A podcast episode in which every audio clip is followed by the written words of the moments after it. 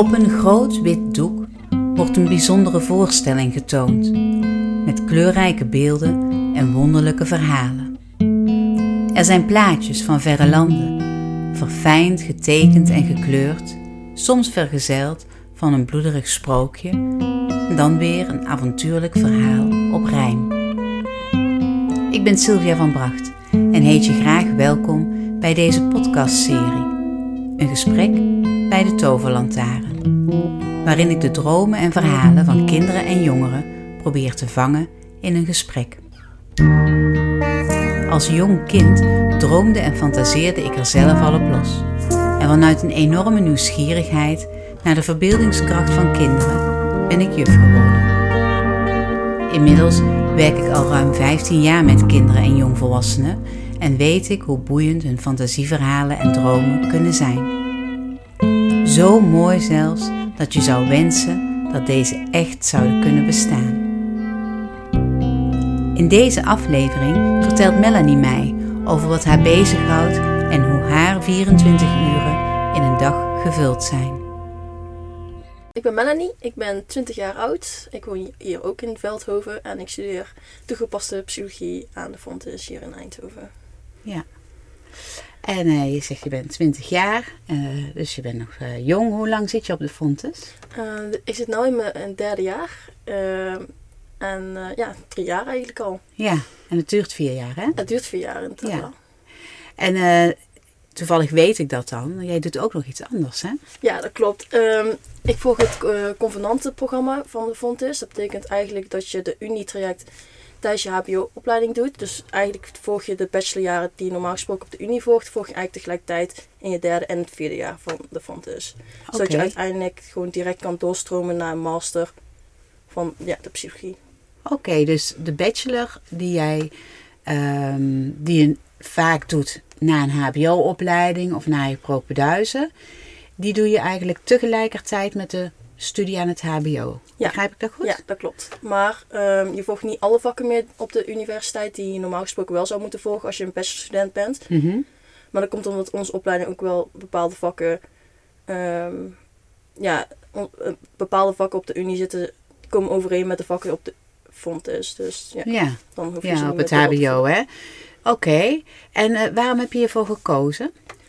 Um, ja, ik ben best wel perfectionistisch en ambitieus. En ik denk dat ook wel deels komt door mijn opvoeding. Mm -hmm. Want ik wil het eigenlijk liefst zo snel mogelijk en zo, ja, zo snel en zo goed mogelijk omhoog gaan. Ja. En uh, ja, ik denk dat het gewoon daarom, uh, dat ik daarom uh, de keuze heb genomen ook om de master uiteindelijk hierna te gaan bijdoen. Ja. En dan zeg je het, dat zei je even in een bijzinnetje, deels door mijn opvoeding. Kun je iets vertellen over je opvoeding? Hoe zag het dat dan, uh, hoe zag het dat dan uit? Ja, um, nou, mijn vader die, uh, die heeft een eigen zaak. Mm -hmm. Die heeft een frietent. En mijn familie, ja, die zijn ook allemaal ambitieus. En die hebben ook allemaal een eigen zaak. Deels, of ja, voornamelijk ook een frietent. Mm -hmm. Sommigen ook wel gewoon een restaurant of bijvoorbeeld een sushi-zaak. Maar in onze opvoeding is het heel erg vanzelfsprekend dat je hard moet werken voor de dingen die je wilt bereiken. Want mijn ouders hebben dat ook zo gedaan en hebben ze ook zeker meegenomen in mijn opvoeding. En daar heb ik dus ook echt meegekregen ja, toen ik klein was. Ja. Want mijn vader heeft bijvoorbeeld alleen maar MAVO gedaan. Mm -hmm. En ja, en nu heeft hij zes kinderen en een goed lopend zaak. En alles gaat gewoon prima. Ja. En dat was ook wel echt mijn voorbeeld eigenlijk om uh, ja, ook zo hard te gaan werken. Ja. En uh, nou zeg jij van hij is mijn voorbeeld, hè? dus hij, hij, hij leeft iets voor voor jou. En, en daar kijk je naar op. Dus je zegt van nou, dat, zoiets, uh, dat wil ik uh, dus ook. Is het ook zo dat je ouders uh, tegen je zeggen dat je hard moet werken? Um, ja, dat hebben ze in het begin wel heel veel gedaan. Maar omdat ik het uit mezelf gewoon overnam, hadden ze dat niet meer hoeven te doen. Nee. Maar het idee is wel altijd bij me bijgebleven. Dus op het begin hadden ze dus wel echt ja, tegen me gezegd dat ik dat moest doen. Mm Dat ik moest hard werken voor mijn doelen. Want anders zou ik het dus uiteindelijk niet gaan bereiken. Mm -hmm. Of ja, dan vergroot je in ieder geval je kans. En ja, ze zagen, van zich, ja, ze zagen ook wel dat ik het van mezelf ook wel heel erg van mezelf aannam. Waardoor ze het niet meer hoefden te vertellen. Nee. En nu is het zo, bij- je vertelde net ook van nou bij mij in de familie ehm, heeft eigenlijk iedereen een eigen zaak en, en, en noem maar op. Zijn er ook mensen bij jou in de familie die dat niet hebben?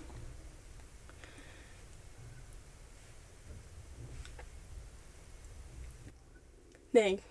Je Nee. dacht even na hè? Ja, ik was even aan het nadenken, maar nee. nee. Nee, eigenlijk heeft iedereen wel een eigen zaak. Al mijn tantes en al mijn ooms. En eh, ja, ze hebben eigenlijk allemaal een zaak. En soms hebben ze zelfs twee. Zo, Dus, dus er eh, wordt eh, heel hard gewerkt. ja, iedereen in onze familie werkt echt super hard.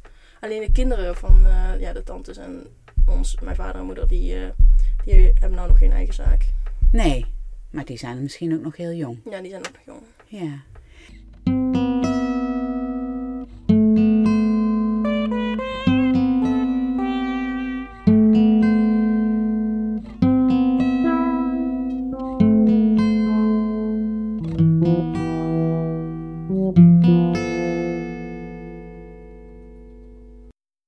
Hey, en ehm, eh, dus je zegt nou iedereen die werkt hard. Zijn, heb je het idee dat iedereen ook heel gelukkig is? Ehm dat weet ik eigenlijk niet.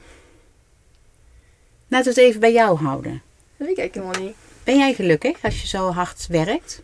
Eh, ja, soms. Ja, ja, jawel, ik ben wel gelukkig. Hmm. Ja, ik ben wel gelukkig. Dus als je het leven nu een cijfer zou moeten geven, wat zou je dan geven? Ik denk wel gewoon een 8. Een acht. Ja. Maar dat komt ook gewoon omdat ik naast mijn studie ook wel nog heel veel leuke dingen ja. tussendoor doe. Dus het is niet dat ik me alleen maar focus op school. Het is niet dat ik me alleen maar gericht op één aspect van mijn leven. Nee, dat, dat is niet het, de, niet het enige wat je doet. Want ik kan me zo voorstellen, twee studies tegelijkertijd. Ook al zeg je van, nou, sommige vakken hoef ik dan niet te volgen. Ik denk dat je wel een drukker programma hebt dan een, een hbo-student die dat dus niet doet op dit moment. Ehm, wat kun jij dan naast je studie nog doen? Ehm, ja, ik doe eigenlijk nog eigenlijk iets te veel. Ik werk Oh. nog eh, heel veel. Ik werk eh, nog een paar dagen bij mijn vader in de frietent. Hmm? Ik doe nog mantelzorg verlenen bij mijn oma. Want die heeft dementie. Dus dat doe ik ook nog een dag. En dat Ja. doe ik dan zes uurtjes op een dag. Dus dan ben ik ongeveer zeven uur daarvoor kwijt. Want ik moet ook naartoe, na, nou ja, naartoe rijden. Want dat duurt eh 30 minuten. Want ze woont in Deurne. Oh, Ehm, ik doe ook nog sporten gewoon. Drie keer in de week. Fitness. ja. Ik volg nog Chinese les op de zaterdagochtend. Dat doe ik ook nog. Jeetje. Dat doe ik vier uurtjes. Drie, vier uurtjes. Mhm. Ehm, en oh ja, ik ben ook nog lid van de promotieteam van Fontes. Dus ik volg ook nog. Ik help mee met open dagen en met de opbouw en met de workshops geven en online voorlichtingen. Dat doe ik ook. Ja, En ja, ik spreek ook gewoon nog met vrienden af en ik doe nog gewoon leuke dingetjes. ja.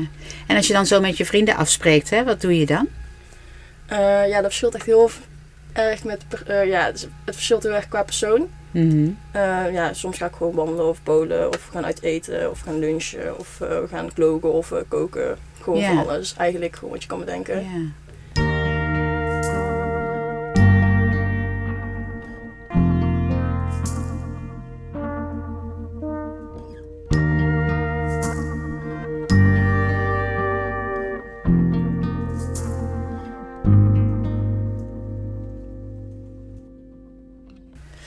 Heeft een dag wel genoeg uren voor jou, Melanie?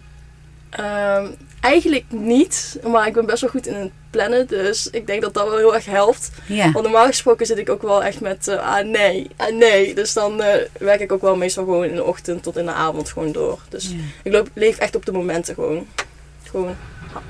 Ja, ja. Dus dingen moeten bij jou ook echt wel eh, gepland worden. En jij hebt dat in je hoofd, of hoe doe je dat dan?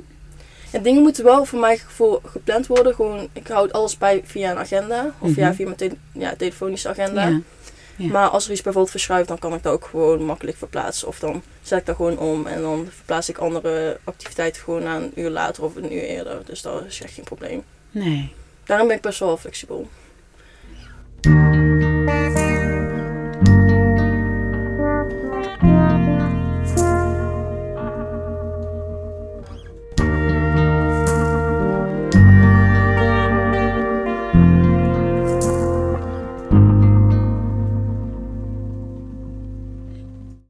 Ik krijg er soms stress van.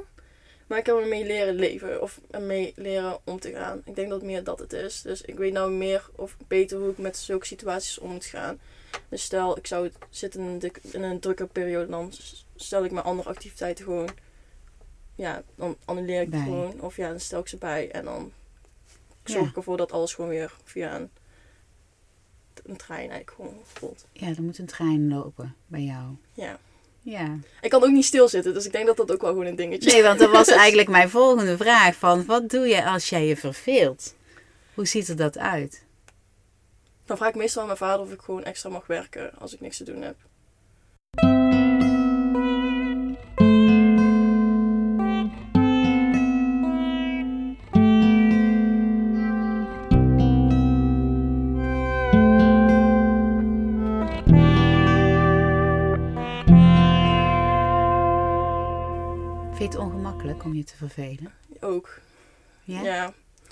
Niet stilzitten. Ik heb echt altijd vanaf het begin al gewoon hard gewerkt.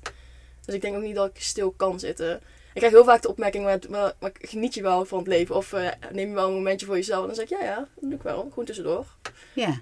Maar ja, ik heb niet zo heel veel lange momenten nodig. Ik heb niet altijd uren nodig om op te laden of zo. Ik, ik kan best wel snel gewoon herstellen van mezelf. En ik vind het ook wel leuk om te doen. Ik denk dat dat ook wel heel erg helpt. Ja. Dus dat zie ik ook wel aan jou. Hè? Je zegt ook van nou, dit doe ik graag en ik doe dit en ik doe dat. En ik denk dat je naar je oma gaat. Ik vind het, eh, dat is heel intensief. Want begreep ik dat nou net goed dat je dat... Je ziet het bij je familie ook. Dus je weet het eigenlijk ook niet dat het anders is. Wat, Ja. wat heb je een oordeel over mensen die zeggen dat ze het heel druk hebben en misschien eh, een fractie doen van datgene wat jij op een dag eh, doet? Nee, ik heb eh, geen oordeel voor andere mensen. Mijn vader heeft me altijd best wel in dat opzicht best wel goed opgevoed, denk ik. Ja. En mijn vader vindt altijd dat ik best wel veel respect voor anderen moet hebben en in wat ze Mhm. doen. En ik denk dat ik ook echt heel erg mee heb genomen in, in mijn eigen gedachten en mijn eigen normen en waarden. En ik vind echt niet dat mensen bijvoorbeeld ehm, minder waard zijn als ze minder doen.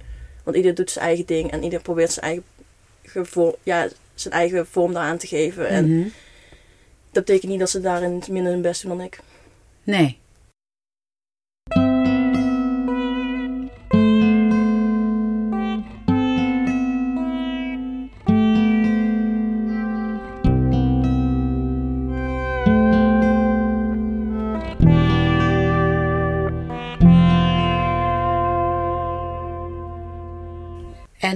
Als je, want je bent nu met je studie bezig, he- heb jij een bepaald doel waar- waarom je psychologie, eh, voor psychologie gekozen hebt? Ehm, ik was heel erg aan het twijfelen toen ik op de HAVO zat eh, wat ik wilde studeren. En in mijn omgeving had ik best wel veel mensen die te maken hadden met psychische problemen. Mhm. En in onze familie ehm, hadden we ook een geval waarvan we dachten van... Ja, wat best wel een geval was waarvan ik dacht van... Ja, mm, Mhm. het loopt niet allemaal helemaal op zijn rolletjes. Dus ehm, in dat opzicht ja, werd ik ook best wel gemotiveerd om daarin dan meer te kunnen betekenen voor anderen. En daar is mijn motivatie en drijfveer. eigenlijk van vandaan gekomen. Ja, Ik wilde niet graag aan de zijlijn staan, dus ik wilde graag helpen. ja. En misschien ook wel de tools meekrijgen van Ja. hoe je dat dan het beste kan doen.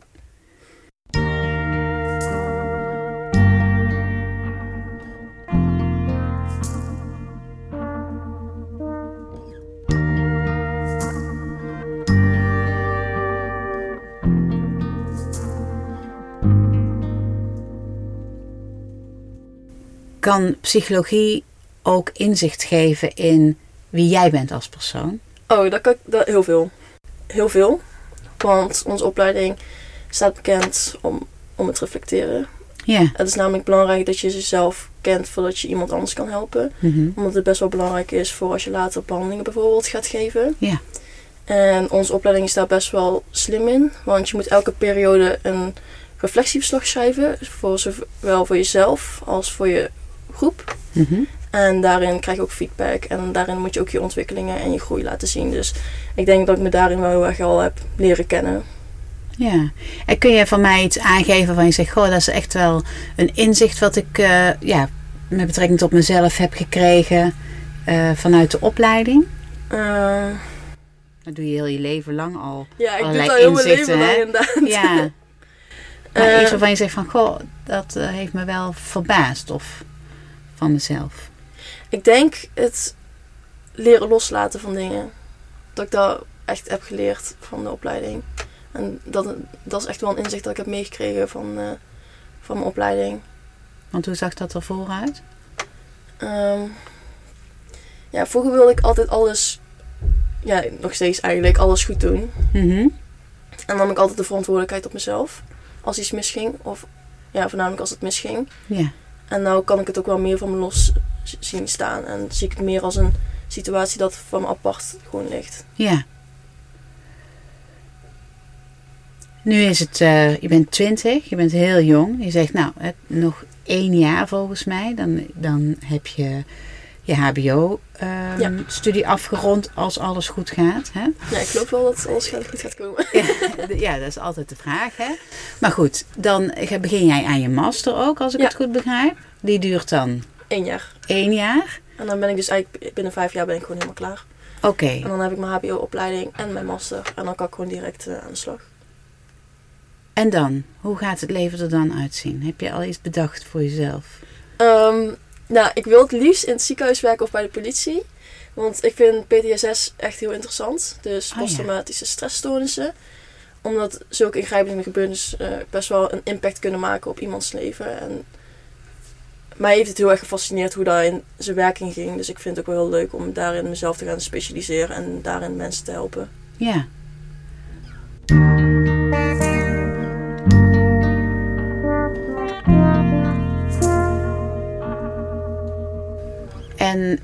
Nou ben jij gewoon dan heel jong. Hè? En vaak mensen, je zegt PTSS, in het ziekenhuis, zei je. En wat zei je nog meer? Of bij de politie. Of bij de politie? Het leger? Ook. Kan, Want daar ook. heb je natuurlijk ook eh, ja, mensen Ja, die op ook. missie zijn geweest en terugkomen. Ja, precies. Bij de politie. Ja, alle soorten eh, rangen en eh, alle soorten organisaties binnen de politie. Ja. En laten we een sprong in de tijd maken. Als jij dadelijk, ik noem maar heel even, 35 bent. Hoe, hoe, hoe ziet jouw leven er dan uit? Ehm, Wat ben je dan? hopelijk heb ik dan, eh, ben ik dan al doorgestudeerd. Of heb ik verder gestudeerd. Want mijn ambities zijn nog om naast mijn master nog door te studeren. Mhm. Ik wil namelijk nog klinisch psycholoog worden. Of ja? Of ja, dat is mijn gedachte nu. Het kan natuurlijk altijd nog veranderen. Maar Mhm. mijn ambities zijn nou om nog eh, door te studeren. En daarvoor heb ik dus eerst nog een eh, opleiding nodig tot gezondheidspsycholoog. En dan kan ik me verder specialiseren tot klinisch psycholoog. Oké. En dat is dan je werkzame leven? Ja. Ja. Daarnaast, je zegt, ik heb ook daarnaast ook echt nog genoeg tijd voor andere dingen. Hoe ziet dat eruit? Dan wil ik ook nog reizen tussendoor. Ook nog reizen Ja, tussendoor. ik hou echt heel erg van reizen. Ik hou echt van het buitenland en andere culturen snuiven. En gewoon een nieuwe wereld ontdekken eigenlijk. Ja. En welk land staat eh, bovenaan je lijstje? Ehm, ik heb geen specifiek land. Maar het liefst wil ik ook nog Azië zien. Mhm. Want Europa heb ik nou dit jaar al heel veel bekeken. Via de treinreis van eh, de Europese Unie. Oké, wat was dat voor treinreis? Ehm, ja, ik had me vorig jaar aangemeld met een winactie voor de Europese Unie. Mhm. Waarbij je als 18-jarige, officieel eigenlijk, maar door corona is het uitgesteld, is de leeftijd ja, Wat- vergroot. Ja, Eh, mocht je je aanmelden om deel te nemen aan, ja, aan een reis. En dan mocht je dan gratis 30 ra- eh, dagen reizen door Europa via de Aha. trein. en jij had gewonnen? En ik had gewonnen met mijn tweelingzusje. Dus ik ben samen met Emily eh, voor 30 dagen weg geweest. Dus we zijn naar eh, Polen geweest, Slowakije, Kroatië en Slovenië. Zo. Dus een beetje Oost-Europa Ja, eigenlijk. we dus hebben dus al een beetje Oost-Europa gezien. Want West-Europa hebben we al heel veel bekeken Mhm. met onze familie. Want mijn ouders houden ook wel echt van het reizen. Mhm. En nemen ons ook altijd elk jaar mee naar een, eh, naar een ander land. Ja, En daar is denk ik ook wel mijn passie voor eh, ontstaan. Of door ontstaan. ja.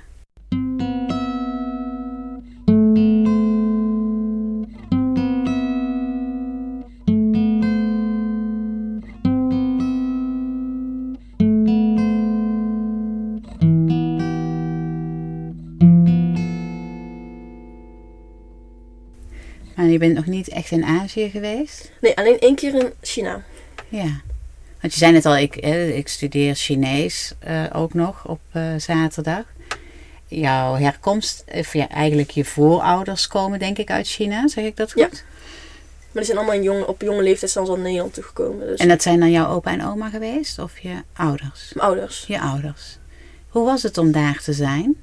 Het was echt heel bizar, want um, het was gewoon heel vreemd. Want mijn ouders die hebben best wel een arme jeugd gehad, of een hele arme leven gehad. Mm Waarin ze gewoon geen geld hadden voor eten en waarbij ze ook huizen zelf hebben gebouwd van steen Mhm. en klei. Dus het was echt wel een heel arme regio waar we ook zijn geweest. Dus het was ook heel bizar om daar gewoon binnen te, te zijn en de mensen daar te ontmoeten. En mijn ouders, oude vrienden en familie en alles gewoon daaromheen. Gewoon, ja, gewoon te zien. Mhm. En met, met, wat vond je met name vreemd of is gewoon bijna niet voor te stellen? Bedoel je het zo? Ja, het was bijna gewoon niet voor te stellen dat ze zo hebben moeten leven. Want wij leven dus nou heel erg anders. En mijn ouders hebben me ook echt op een veel luxere manier opgevoed. Ja. Dus het is gewoon heel bizar om zoiets voor te stellen dat hun wel door zo'n leven zijn, ja, zijn ja, opgegroeid. Heb je het idee dat ze daar ongelukkiger eh, waren? Ze hebben natuurlijk de, niet voor niks de keuze gemaakt om zeg maar een stap te nemen om ja, het, het land te verlaten, een, een geboorteplek te verlaten. Ik denk dat ze ook altijd wel de ambitie hadden om, om meer te bereiken dan waar ze toen op dat moment zaten. En ik denk dat ze op zich in een mate wel gelukkig waren. Maar ik denk dat ze gewoon meer wilden, wilden bereiken voor zichzelf. Ja, En daar hebben ze nou in toevallig in Nederland gedaan. ja. En, en heb je daar wel eens gesprekken nog over met ze? Van hoe was dat dan en waarom deed je? Want je studeert psychologie, dus Ja, ik heb het zeker ook gedaan, want ik was best wel benieuwd naar onze familiegeschiedenis. Maar er zitten allemaal zulke verhalen omheen waarvan zoveel emotie ook in. Ja, er zit Ja. gewoon zoveel emotie in de verhalen, omdat ze daar best wel veel hebben meegemaakt. ja. En ze hebben best wel veel moeten doorstaan om bijvoorbeeld naar Nederland te komen. En het is best wel, ja, het heeft bij mij ook wel een impact achtergelaten. Ja, dat snap ik. Het lijkt me ook zo om te zijn. Maar ik kan me ook voorstellen dat dat stuk wat je, hè, wat je, waar je in het begin ook over vertelde, ook een reden kan zijn waarom jij voelt dat je je best moet doen. Ja, want ik wil ook zeker geen teleurstelling zijn voor ze. Ja, Want hun hebben altijd hun best voor ons gedaan. Dus ik denk ook wel dat ik in, die, in dat opzicht ook wel de favor terug mag doen. En daarin ook wel kan laten bewijzen van... Hé, jullie hebben me deze kans gegeven. Ik ga het ook wel nemen. je, je pakt hem met beide handen aan. Ja, ik pak het met beide handen aan. Nou, mooi. Dankjewel.